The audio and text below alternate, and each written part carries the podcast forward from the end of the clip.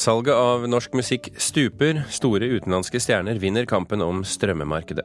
Men superbandet U2 er likevel bekymret for fremtiden til hele musikkbransjen, tross suksess. Vi har møtt dem i London. Norsk presse er altfor lite kritiske i dekningen sin av kampen mot terror. Medieforsker møter redaktør senere i Kulturnytt. Og du hører Kulturnytt med Birger Kålsrud Jåsund i studio. Norske artister selger eh, stadig dårligere, og det er de utenlandske artistene som dominerer musikkomsetningen. I 2011 hadde norske artister halvparten av markedet. I dag er tallet bare 20% Gullalderen i norsk musikk er definitivt over. Ja, Avicii selvsagt. Uh, Calvin Harris, uh, David Guetta, Taylor Swift, naturlig nok. Jørn Dahlshow i plateselskapet Da Works kikker gjennom lista over de mest spilte låtene på Spotify akkurat nå. Enda med David Guetta.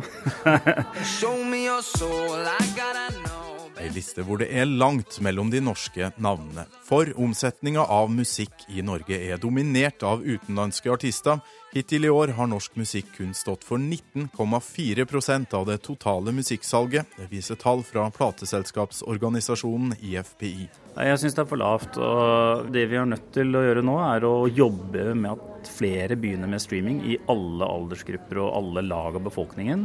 Og at eh, vi blir enda flinkere til å utvikle norsk musikk som mange kan lytte på i alle aldersgrupper. Hvorfor, hvorfor når jeg kjenner fra midten av 2000-tallet opplevde norske artister en gullalder i konkurransen med utenlandske artister, og i 2011 besto over halvparten av musikksalget av norske utgivelser. Siden den gang har norskandelen stupt, og det viktigste for bransjen nå er å få bestefar til å bruke Spotify og Wimp, mener Dalshow. Hellbillies, Vamp, Bjørn Eidsvåg, det er klart dette er store artister som solgte mye på CD. De vil nok merke at det går ikke så lett i streamingverden, så, så der må det jobbes mye hardere i årene som kommer, og som må få det publikummet til å gå over på streaming og, og ville høre musikken igjen og igjen. da. Åtte av ti nordmenn lytter til musikk via strømmetjenester, og den makta som platebransjen hadde sammen med butikkjeden Platekompaniet, er nå viska ut.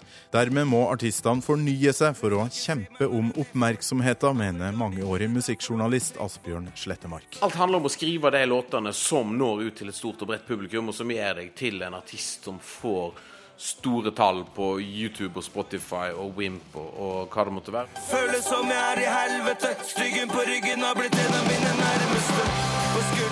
Et eksempel på det er jo uh, Onkel P, og det handler ikke om så masse annet enn en god låt med stor appell som når ut til et bredt publikum, og som gjør at Onkel P plutselig har gått fra å være en litt alternativ artist til å være en, en folkelig artist. Slettemark mener musikkbransjen gjør lurt i å aktivt hjelpe den norske strømmetjenesten Vimp, der omtrent 35% av musikken som blir lytta på, er norsk. Redaksjonssjef i strømmetjenesten Sveinung Rindal inviterer til å tenke nytt. Det er en litt sånn eh, dugnadssituasjon kanskje, som vi står foran igjen. Skal vi satse ordentlig på norsk musikk overfor eh, alle de målgruppene vi vet som er glad i musikk, så må vi tenke litt videre. Da må du treffe veldig ungt, og du skal helst lage en type musikk som både kan spilles på fest, til trening, du kan spille når du er på vei til skolen, eh, på bussen osv. Altså, musikk som kan brukes i mange sammenhenger, og som kan lyttes på igjen og igjen. Ja, Før Onkel P og de fjerne slektningene avsluttet her, så hørte du også Jørn Dahlshow i plateselskapet Daworks. Reporter det var uh, Torkil Thorsvik. Det irske rockebandet U2 har jo hatt en enorm suksess gjennom flere tiår, men også de er bekymret for fremtiden til sine artistkolleger. Sammen med datagiganten Apple jobber nå bandet med å få lage et nytt musikkformat som skal gjøre platesalg lønnsomt igjen. Men da NRKs London-korrespondent Espen Aas møtte bandet, hadde de et mørkt bilde av fremtiden til kultur- og underholdningsbransjen.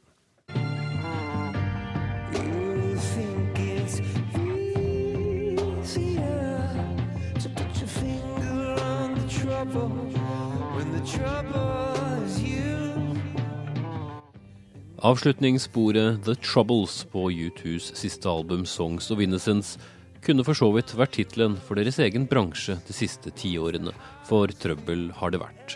Salget har stupt, piratkopieringen har økt, Vel, hele medieverden sliter, slår gitarist The Edge fast når NRK møter ham og bassist Adam Clayton i Metropolis Studios i London. I mean, filmmaking, TV, you know, it's all being challenged by, by the digital revolution and there's disruptive technologies. So we, uh, we're all kind of in the same boat. We just got to figure it out, and um, hopefully in the next couple of years we will. Finne ut av det, ja. Det er storprosjektet ved siden av platelansering og ny turné. I samarbeid med IT-giganten Apple jobber U2 med å lansere et nytt musikkformat som skal få folk til å betale for musikk igjen og stoppe piratkopiering. You know,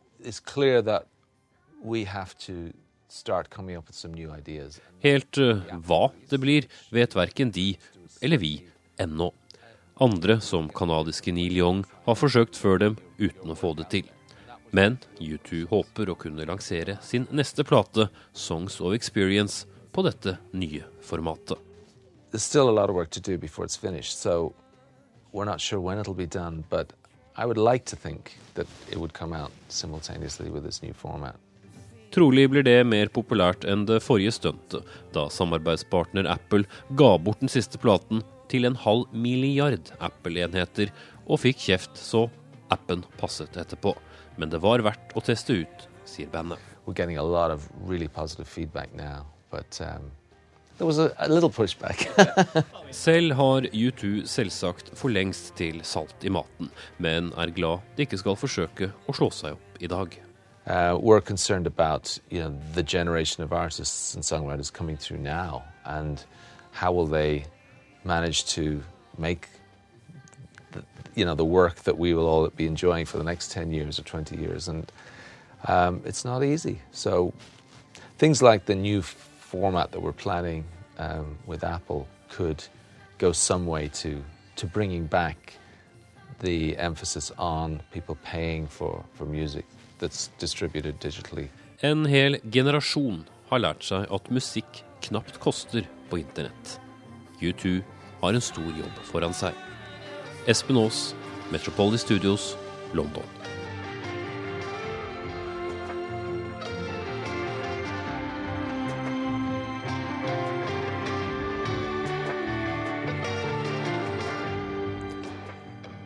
Melodien vi hørte her i innslaget, det var The Troubles fra U2s siste plate 'Songs of Innocence'. Og i den låta her så er det så Lykke Li, den svenske artisten, som hjalp til på vokal.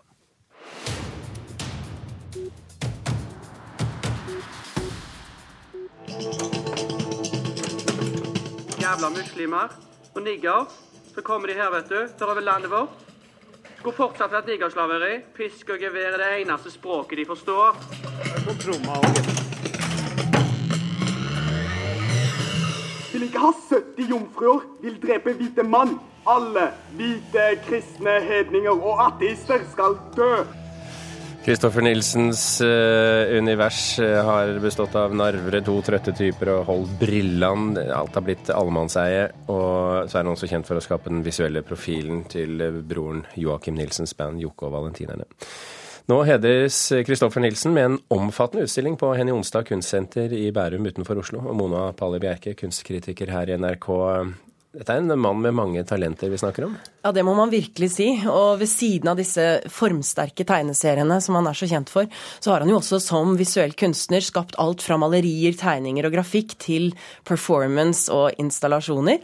Og så er han jo også dramatiker og filmskaper, så dette er virkelig et renessansemenneske i vår egen tid. Hva er det vi får se ut på Høvikodene? Han starter jo friskt, får man si, med en spesialdesignet likkiste eh, for seg selv. Han har gjort noen beregninger hvor han har kommet frem til ut fra livs livsstil osv.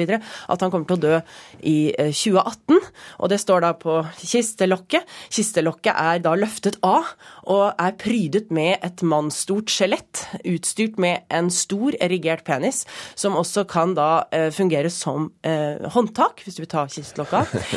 Og inspirert av vikinggravene, så har han jo da fylt denne kisten med gjenstander som man da kanskje vil komme til å bruke i etterlivet. Rubiks kube, som han aldri klarte å løse i livet, er med. Han har en liten bar, han har en oppblåsbar Barbara-dukke. Han har en liten platesamling og en platespiller, og bøker som Marcel Prost på sporet av den tapte tid. Foreløpig så har han jo ikke tatt plass i kisten, heldigvis, men han har en voksdukke der av et råtnende dresskledd lik. Så det er en ganske sterk dødspåminnelse, dette her. Og vi liker jo ikke i vår kropps- og ungdomshysteritid å tenke på døden. Det, men dette har jo vært en av kunstens oppgaver gjennom århundrer, å minne om jordelivets flyktighet. Så her stiller han seg inn i en tradisjon.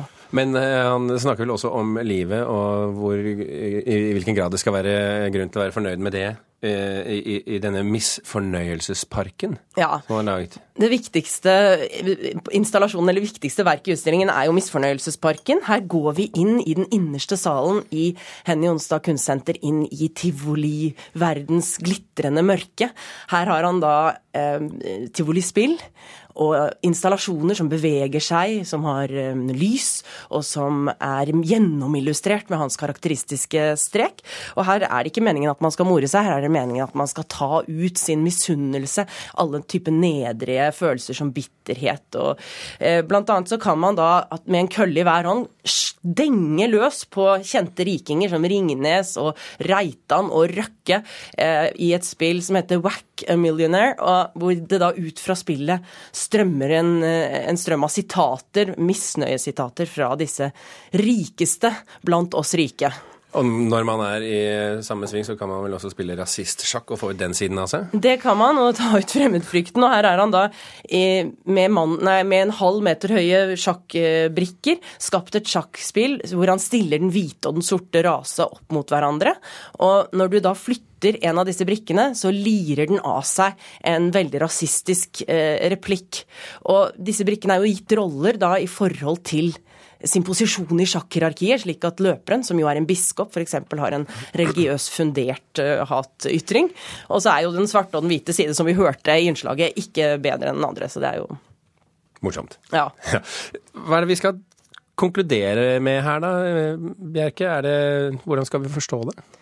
Ja, nei, Det er jo en måte, som han sier selv, da, å lufte ut den, en misnøye og en bitterhet. Så han har eh, hørt folk som sitter sånn og klager over samfunnet. og eh, Det er jo en harselas med det steinrike Norge og misfornøyelseskulturen. Det der at vi klarer å bli sytete selv om vi har det så fantastisk bra i dette landet. Og Det paradoksale her eh, er jo at du aldeles ikke har blitt misfornøyd, antar jeg? Jeg er ikke særlig misfornøyd, verken med Misfornøyelsesparken eller utstillingen. Det er en strålende utstilling. Og han har jo da, selv om han har dette negative fortegnet som han ofte legger inn, og sier at dette er et misnøyeprosjekt, så er det så fullt av energi og så et flammende samfunnsengasjement som i hvert fall setter meg i veldig godt humør. Og dette er jo en utstilling som passer for hele familien. Ta med hele familien. Yes. Mm. Mona Palle Bjerke, takk for at du kom til oss i Kulturnytt. Klokken er eh, drøyt 16 minutter over åtte. Du hører på Kulturnytt, og dette er toppene i Dagsnytt nå. Islamistgruppen Profetens Umma hjelper nordmenn som vil krige i Syria med kontakter. Innsatte ydmykes unødvendig i norske fengsler, mener Sivilombudsmannen. Og Brasils president ble gjenvalgt med knapp margin. Nå må Dilma Rousef samle et delt land. Norske og svenske medier er for lite kritiske til Vestens rolle i moderne krigføring. Det mener professor i journalistikk Rune Ottosen ved Høgskolen i Oslo og Akershus. I en eh, ny bok så analyserer han sammen med sin kollega Stig A. Nordstedt fra Universitetet i Ørebro pressens dekning av de store konfliktene fra Golfkrigen og frem til borgerkrigen i Syria. Og Rune Ottosen, eh, krigene de siste årene har endret forholdene for å drive journalistikk, skriver de. Hvordan? For det første har det jo blitt mye farligere for journalister. Det er jo livsfarlig å være i felten, og nettopp av den grunn så har jo vi et forsvar for journalistikken her, og da mener vi at journalistikken også bør se kritisk på eget lands krigføring og begrunnelse for å gjøre noe så alvorlig som å gå til krig. Hvorfor det? Jo, fordi eh, de folkerettslige sidene ved en krig er eh, prinsipielt viktig. La oss ta Libya som eksempel. Eh, Nato og Norge bombet ved hjelp av FN-resolusjon 1973, som formelt skulle beskytte sivilbefolkningen i Benghazi. Det utviklet seg til en angrepskrig som fjernet regimet. Regimeskiftet sto ikke noe i den eh, resolusjonen. Hva var bombemålene? Bl.a. Eh, libysk fjernsyn, faktisk. Hvis ikke vi som norske journalister og medier tar det på alvor og ser kritisk hva vår egen regjering gjør, begrunnelsen for å delta i krig, så undergraver vi også sikkerheten til egne journalister når de er i felt andre steder. Men er det altså det juridiske spørsmålet her du er opptatt av? Nei, ikke bare det. Men det ligger jo i bånn. Altså, Norge har jo alltid vært eh, tatt på alvor. Eh, vårt forhold til FN Eh, FN-mandater har vært viktige for oss, og hvis dette kan diskuteres, så bør det diskuteres. Vi har jo et politisk miljø i Norge hvor det er unison enighet om de sikkerhetspolitiske hovedlinjene, også den type militære aksjoner. Og da, når det ikke er uenighet politisk, så er det lite på mediene å spille på, eh, som ofte tar utgangspunkt i konflikter. Og da bør mediene selv definere dette eh, tydeligere. Harald Stanghelle, eh, redaktør i Aftenposten. Har dere vært eh, for slappe i, i journalistikken også i Aftenposten? Det tror jeg ikke. Det har jo vært svært mye debatt om eh, norsk deltakelse. De færreste kan ha unngått å få med seg debatten om Afghanistan-deltagelsen. Eh, det var ganske mye debatt, eh, ikke minst i Aftenposten, om beslutningsgrunnlaget når det gjaldt Libya, og ikke minst måten dette skjedde på. Og som vi husker, så var jo det en stor debatt om Irak-krigen i 2003, der norske medier, og i hvert fall i Aftenposten, var eh, usedvanlig kritiske eh, til eh, å delta der. Men nå skriver likevel eh, Norstedt og Ottosen her at norske medier generelt er for dårlig til å, eh, å, å, dekke journalistisk grunnlaget for de konfliktene og deltakelsen i de konfliktene og den krigene vi er, er med i. Eh, er du enig i det? Ja, det jeg er enig i, er at en ofte kommer raskt videre, fordi at medienes oppgave er jo å reflektere det som skjer uh, ute i den gjenstridige virkeligheten. Og det er klart at uh, vi er nok kanskje for dårlige til å drive den teoretiske debatten, uh, sjøl om vi har jo hatt relativt store debatter om f.eks. det folkerettsstridige, slik vi opplevde det med Irak-krigen i 2003, som er et veldig klart eksempel på det. Og så tror jeg at vi har en tendens til å være mer forstående på militære operasjoner der, der Norge deltar sjøl. Eh, vi er en del av dette landet. Det betyr ikke at en bukker og nikker til alt styresmaktene finner på, men det betyr at eh, en nok utviser en slags forståing for måten å tenke på. Det er også en del av journalistikken. Eh, det er ikke bare å angripe måten styresmaktene tenker på, men det er også å forklare styresmaktenes måte å tenke på. Er norske journalister også litt av en heiagjeng fra tid til annen, Ottosen? Vel, det er i hvert fall for lite kritiske når det er uson politisk enighet, og det er litt av problemet her. Og som eh, Harald Stangele sier, når det er unison enighet, så er det vanskeligere å komme med kritiske motforestillinger. Og da har mediene en tendens til å ikke være motstrøms eh, i avgjørende øyeblikk. F.eks. i tilfelle tilfellet Libya og i tilfellet Jugoslavia i 1999, som åpenrett åpenbar var et folkerettsbrudd. Det kom lite fram i mediedekningen.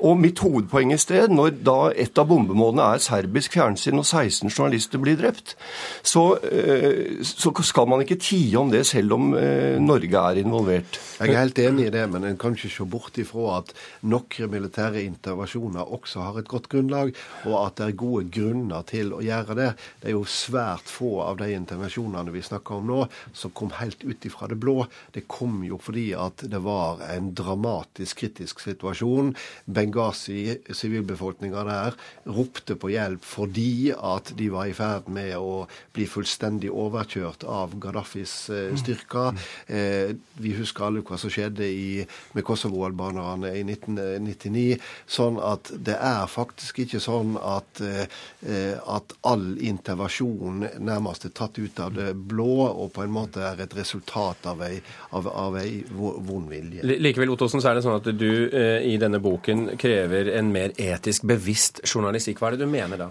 Nei, Jeg mener jo bl.a. det at eh, for å ta Libya som eksempel, når vi ser resultatet av det, eh, så kan man jo stille spørsmål om det var eh, for lite kritisk debatt når den faktisk skjedde. Og vi har det samme igjen nå, krigen mot IS. Det er klart det er, eh, som Harald Stanghelle sier, så er det jo lett å forstå at med de grusomhetene Eh, at man eh, kan rope på handlekraft, men er det likevel riktig å bombe uten et FN-mandat mot IS som man nå gjør?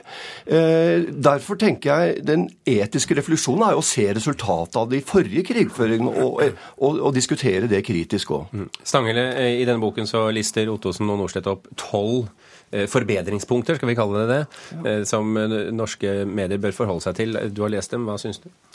Nei, men jeg syns at mange av de punktene er både naturlige, riktige, viktige, og svært mange av de punktene er en del av det redaksjonelle arbeidet som foregår i alle fall i, i Aftenposten.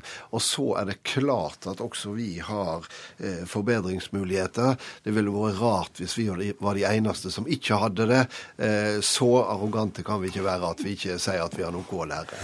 Ok, Harald Stanghelle, tusen hjertelig takk for at du kom til Kulturnytt. Eh, Rune Ottosen, som sammen med Stig eh, Nordstedt har skrevet New Wars, New Media and New eh, War Journalism. Tusen hjertelig takk til deg også.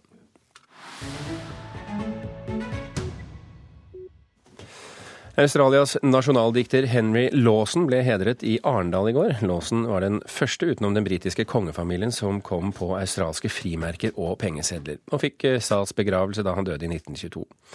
Nå kommer flere av diktene og novellene hans ut på norsk, og med aner fra Arendal var det jo naturlig for den australske ambassadøren å bidra til en minneplakett i sørlandsbyen. I look in vain for traces of the fresh and the fair and the sweet. In sallow, sunken faces that are drifting through the street. Australias ambassadør Damien Miller har sjøl hatt dikt av Henry Lawson som pensum i skolen. there was something kind of magical about his voice and his perspective about Australia. Yeah, it means a lot to me, and in fact, it's just wonderful tonight to hear his poetry read in English in, with my terrible Australian accent. I går leste han Låsens dikt for godt over 100 fremmøtte på Tromøy utenfor Arendal. Og avduka sammen med en av Låsens slektninger et relieff av forfatteren. Bronserelieffet henger nå på stedet hvor Henry Lawsons norske far Nils Hertzberg Larsen ble født, ikke langt unna Tromøy kirke to come and meet the locals and to be now in the hall where Henry Lawson's own father was born is extraordinary. So I feel that his spirit is with us tonight, actually. Vi har jo lenge vært klar over forbindelsen da mellom Henry Lawson og øya vår. Jan Ommundsen leder Tromøy historielag, som har tatt initiativ til markeringa. Og da syns vi jo det var rimelig naturlig at vi gjorde noe mer ut av det. Vi har jo gjennom mange år stadig hatt besøk av folk fra Australia som har lurt på hvor var det når denne Henry Lawson, hvor var det faren hans kom fra, og de er interessert i røttene. Og nå har vi klart å få gjort noe med det. Nils Hertzberg Larsen forlot Arendal og havna til slutt i Australia, hvor Henry Lawson ble født i 1867.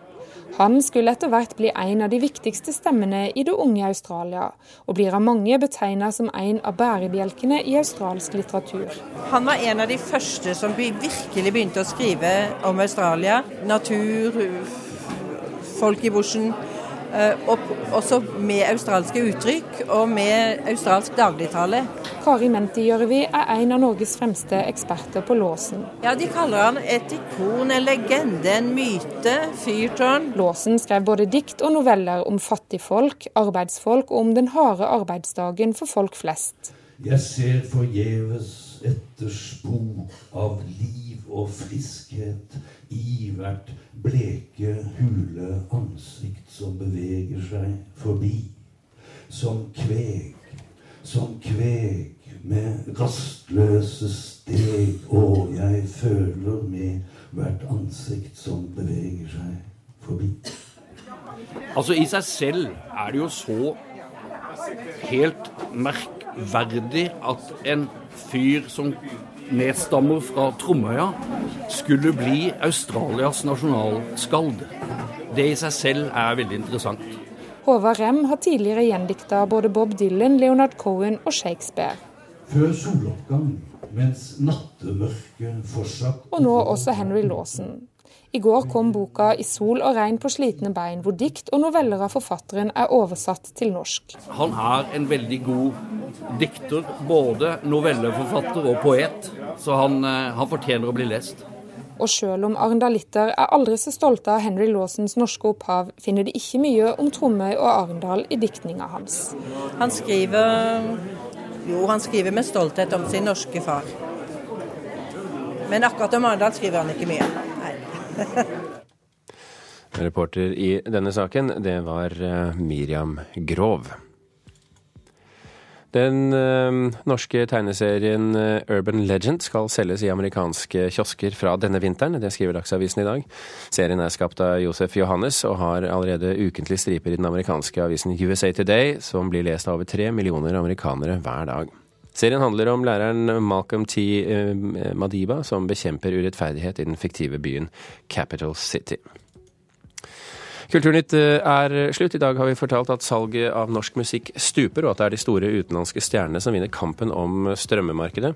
Men selv om superbandet U2 er en av markedets vinnere, så hørte du i dag at også de er bekymret for fremtiden til artistene, da vi snakket med dem i London. Kulturnytt fikk du i dag levert eh, av Frode Thorshaug, Thomas Alvarstein Ove og her i studio Birger Kolsrud Aasund. Snart er Øystein Heggen klar med flere nyheter.